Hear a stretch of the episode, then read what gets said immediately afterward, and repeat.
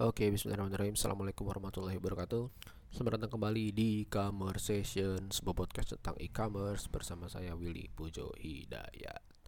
Episode ke-17 ya.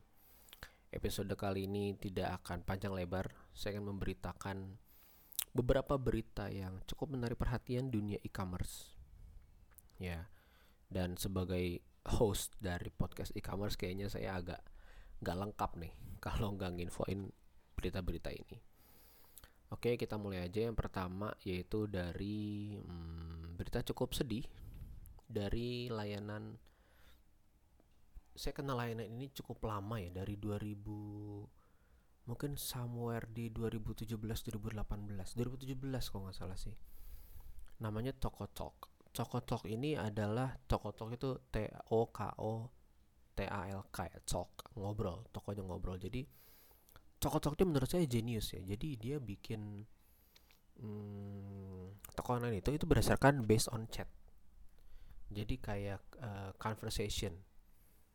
Uh, sifatnya conversation. Ini ini seru banget sebetulnya. Conversation based commerce. Nah jadi misalkan kayak halo dengan siapa saya berbicara? Kita kita nyebutin namanya. Kalau kita suruh customer untuk ngisi form itu mereka akan jenuh. Tapi kalau kita ajak mereka dalam bentuk conversation ini lebih menarik. Toko tok ya. Dan ini saya baru dapat kabar kemarin di 2000 oh 28 Oktober 2022 mereka akan menutup layanannya. Hmm, sayang banget ya. Padahal seingat saya dia sempat menerima uh, pendanaan tapi di tahun ini harus ditutup Tokotok berakhir pada tanggal 28 Oktober 2022 ya cukup mengejutkan ya maksudnya padahal genius banget dan toko-toknya juga beberapa kali ngiklan di uh, Facebook, Instagram dan lain-lain bahwa memang dia uh, fitur-fiturnya cukup baik ya seperti cuma potongan berapa persen kemudian biaya lainannya seperti apa dan memang fiturnya tuh sebetulnya asik banget sih. Menurut saya dia tuh pelopor ya dari uh, social commerce ya. Sebuah link-link untuk belanja itu ini uh, termasuk salah satu pionir toko-toko itu bagus banget. Tapi ya ya wes memang harus jalannya seperti ini. Sukses terus buat uh, toko-toko ya.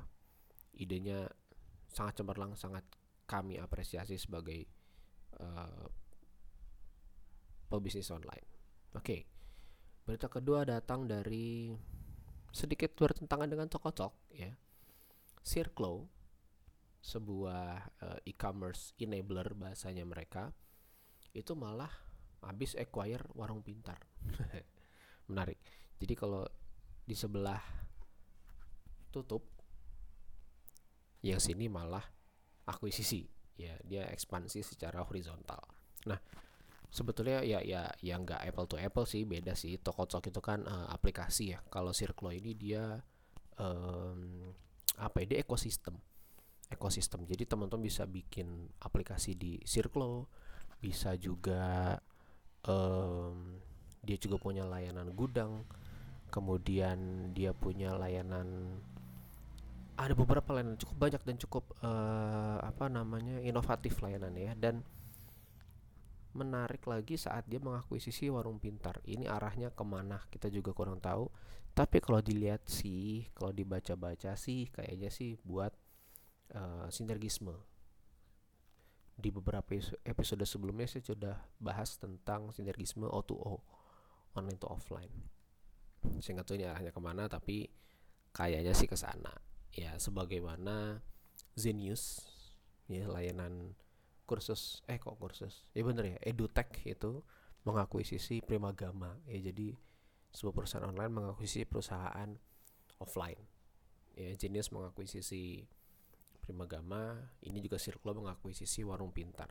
Saya rasa teman-teman sudah banyak bertemu dengan Warung Pintar deh.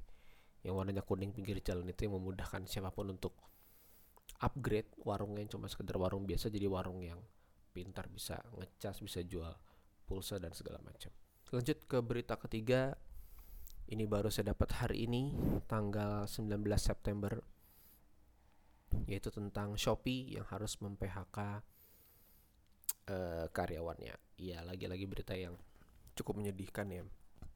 Karena memang gini kondisinya. Saya juga nggak tahu apa yang sedang terjadi di luar sana. Tapi sejak Tokopedia IPO, sejak Grab juga listing di Nasdaq, Nasdaq. Itu beberapa perusahaan sudah mulai melihat profit. Sudah dalam tanda kutip sudah tobat ya. Sudah sudah kembali ke fundamentalnya bahwa yang namanya bisnis itu harus profit ya jadi setelah GoTo kita lihat kerugiannya sampai 14 triliun. Setelah Gojek eh Gojek setelah Grab listing di Nasdaq juga besar sekali kerugiannya triliunan. Shopee yang belum IPO mungkin melihat ini sebagai sebuah kekacauan ya. Wah gawat nih kalau gue IPO juga tapi konteksnya masih rugi juga gawat nih. Atau mungkin memang trennya sudah seperti itu gitu ya. trennya sudah udah nggak lagi zamannya jualan valuasi ya nggak tahu juga tapi ya memang harusnya bisnis itu seperti itu gitu loh. Yang kita banggakan itu eh kita banggakan. Yang bisa kita apa istilahnya yang bisa kita glorifikasi itu adalah sebuah keuntungan. Bahkan omset itu oke okay lah. Keuntungannya berapa omset dulu lah nggak apa-apa. Tapi sekarang enggak sekarang itu yang diglorifikasi malah valuasi malah pendanaan investasi. Itu aneh menurut saya. Perusahaan ini menerima investasi sebesar sekian juta dolar. Saya pikir ini aplikasi apa? Kita aja nggak pernah pakai nggak pernah tahu gitu. Udah ujuk-ujuk dapat. Investasi ini nggak salah. Ya bukan maksudnya bukan underestimate tapi lebih ke uh, apa ya dasar screeningnya. Kemudian fundamental bisnisnya seperti apa generate generate revenue-nya seperti apa gitu loh profitnya seperti apa bisnis modelnya seperti apa. Itu seperti tersingkirkan gitu yang penting sekarang dapat valuasi dulu uh valuasi gue gede nih dari jumlah user, dari jumlah gross uh, merchant value dan segala macam itu dalam tanda kutip tidak sehat. Ya sekarang sudah balik lagi ke zamannya profit. Saya rasa uh, ya akhirnya mau nggak mau harus melakukan ini. Dan Shopee termasuk salah satu perusahaan yang mungkin terdampak dari pergeseran tren ini ya. Hmm, ini ada kutipan menarik dari Head of Public Affair bahwa Shopee Indonesia harus melepas sejumlah karyawannya. Statementnya gini, kondisi ekonomi global menuntut kami untuk lebih cepat beradaptasi serta mengevaluasi prioritas bisnis. Saya ulangi ya, mengevaluasi prioritas bisnis agar bisa menjadi lebih efisien. Ini merupakan sebuah keputusan yang sulit. Jadi, hmm, lanjut lanjutannya. Perusahaan akan berfokus ke pertumbuhan bisnis yang mandiri serta berkelanjutan. Baca ya highlight nih. Pertumbuhan bisnis yang mandiri serta berkelanjutan. Mandiri ini artinya mungkin sudah sudah nggak ada lagi dana segar dari investasi yang masuk. Mungkin ya mungkin. Dan kami ingin memperkuat dan memastikan operasional perusahaan kami stabil di situasi ekonomi saat ini. Ya iya memang kalau kita bicara uh, ekonomi global ya makro itu memang ada sedikit uh, guncangan.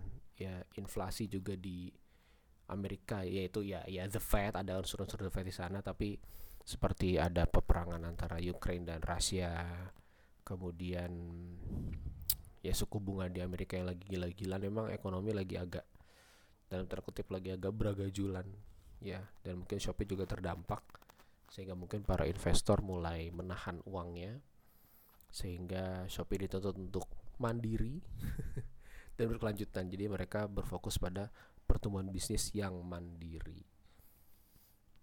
Ya walaupun tetap dapat pesangon tapi ya mungkin bisa jadi pelajaran ya buat siapa pun yang mulai membuka bisnis bahwa fokus itu harus jelas gitu. Fokusnya ini ke mana? Fokusnya menjadi profit. Ya udah. Atau bikin uh, seperti game plan gitu loh. Oh setahun pertama nggak apa-apa lah, rugilah kita nyari leads dulu kita cari uh, customer base dulu. Nggak apa rugi-rugi dikit. Tahun kedua kalau bisa sudah profit. Tahun ketiga sudah profit gitu. Jadi skemanya seperti itu gitu loh. Cerita sedikit kami juga di kantor di startup juga seperti itu. Tahun pertama rugi tahun kedua rugi. Tahun ketiga untung tahun keempat rugi lagi jatuh lagi ya. Ya seperti itu. Ya harapannya sih tahun ini udah tahun ini kayaknya udah uh, positif ya alhamdulillah insya Allah. Dan ya lagi fokusnya harus jelas gitu mau ke mana. Revenue streamnya seperti apa? Apakah uh, apakah ideal atau tidak?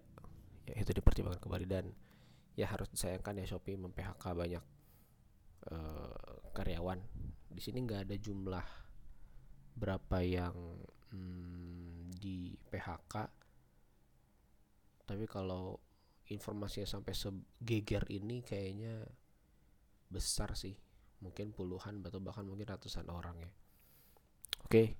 uh, eh, ya semoga Shopee bisa lebih stabil jadi ntar kalau udah gede boleh direkrut lagi orang-orang yang kemarin seperti PHK ya oke okay. Hmm, beritanya itu aja tiga berita terkini yaitu Tokocok tutup layanan e-commerce Circlo malah akuisisi dan yang terakhir Shopee yang uh, melakukan PHK karyawan dengan tujuan efisiensi. Oke, itu aja. Semoga bermanfaat. Assalamualaikum warahmatullahi wabarakatuh.